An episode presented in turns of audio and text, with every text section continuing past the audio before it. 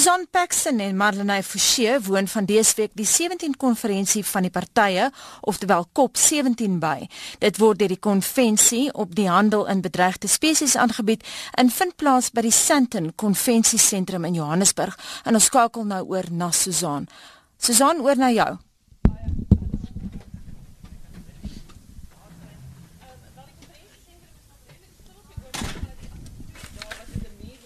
Dit lyk vir my ons sukkel om vir Susan daar te hoor. Ons gaan later weer probeer om terug te skakel. Daar's fout met die klank daar. Intussen 26 klassieke en veteraan motors wat terugdateer tot 1914 neem deel aan die 5de Suid-Kaap Ou Motorklub erfenis toer. Maar nou sê Willem later gaan vir my ons het nou weer vir Susan op die lyn. Die klank is beter. Susan, kan jy my hoor? Anita, ek hoor vir jou hart en duidelik, maar dit klink vir my jy hoor nie vir my hart en duidelik. Ons het jou nou. Goed, die konferensiesentrum is nog redelik stil op die oomblik, maar die afgelope 2 dae was dit 'n muurnes van bedrywighede in Sandton. En uh, die konferensie op internasionale handel in bedreigde spesies of CITES vind nou plaas hier in Sandton soos jy gesê het. Ehm uh, daar was reeds baie aksie rondom die konferensie en Saterdag was die Global March for Rhino and Elephants en duisende mense het wêreldwyd aan die optog deelgeneem. En hier in Sandton het die deelnemers van hulle beplande roete afgewyk en voor die konferensiesentrum se deure kom betoog. En hulle wil hê dat die handel in renoster en olifante heeltemal stopgesit moet word. Dit het groot ontwrigting veroorsaak en veroorsaak dat die verga uh, vergadering so 'n bietjie agter geraak het met die agenda. President Zuma het die konferensie geopen, maar ook nie sonder drama nie. Kongresgangers was geskok toe hulle ewe skielik deursoek is weens 'n moontlike bedreiging teen die president en verskeie kongresgangers het gisteroggend nog gepraat oor die lang toue by die registrasiepunte weens sy aankoms en die sekuriteit rondom dit. Die agenda het ook effens agter geraak as gevolg daarvan. So dit is 'n klomp interessante dinge wat hierso gebeur, maar ons wil eers die grootste punt hierso is die byla. Byla 1, 2 en 3. Wat dit beteken is dat dit is waar die spesies gelys word en uh meeste ouens is is jy weet wil sê waar hulle spesies gelys moet word en dit het 'n invloed op hoe handel gedryf word. En dit is 'n baie belangrike punt hierso by CITES. En um dit is 'n bylaag 1, 2 en 3 waarvan bylaag 1 kritiek bedreig is, want jy glad nie handel dryf daarin nie. En dis gewoonlik die lyste waar die grootste debat is soos ek gesê het en om vir ons te verduidelik wat dit beteken, praat ons nou met Juan Carlos Vasquez van CITC oor hy het ingehardloop gekom ook deursoek soos almal vanoggend. Um good morning Juan, welcome to RSG. Good morning Susan, thank you for inviting me. We want to talk about the appendixes. What exactly are these appendixes? How do they work?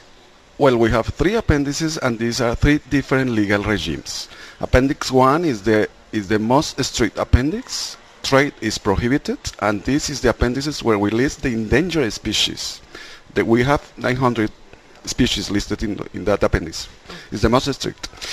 Appendix 2?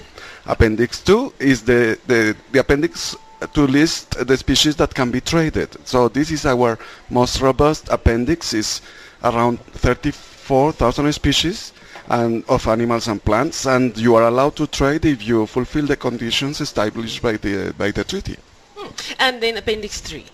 Appendix 3 is a, is a poor understood uh, regime because it's, it's the appendix that is not going to be discussed here because anytime parties can list species in that appendix because they feel or they need the international cooperation to protect their endemic species. So this is basically our their own species protected at the national level and they are requesting international cooperation to uh, cooperate, to collaborate with the authorities at the control uh, in the borders. So how does a species end up on Appendix 1? Does it immediately go onto the appendix or is there a process that needs to be followed? Well, CITES is a legal lab, so they invent all kind of, of solutions, but normally when a decision is taken here, and what is going into South Africa is huge, uh, in 90 days uh, the legal regime will enter into effect. So uh, we expect that if a, a, species is moved, transferred to Appendix 1, in 90 days the 183 parties will start applying the new regime. Uh, all right. So, uh, are there usually a point of contention about these uh, appendixes? You know, uh, especially Appendix One, because it's got a, a, big impact in trade. Well, it's a huge restriction. You are not allowed to trade, and scientifically, it's considered that the species is endangered. So, she, uh, the species will not support any use, uh, except some scientific trade or non-commercial trade for uh, research purposes, but this is marginal trade, which will be allowed under these circumstances. All right, and so far anything that stood out for you? Well, it's great to be here in your country. it's a beautiful country, and I was uh, witnessing all the celebrations of the Heritage Day. How rich are you? And I think diversity is the is the key word here for these two weeks in in Santon. So we need to respect each other's position. There is not one recipe that will fit and apply to all the countries in the world.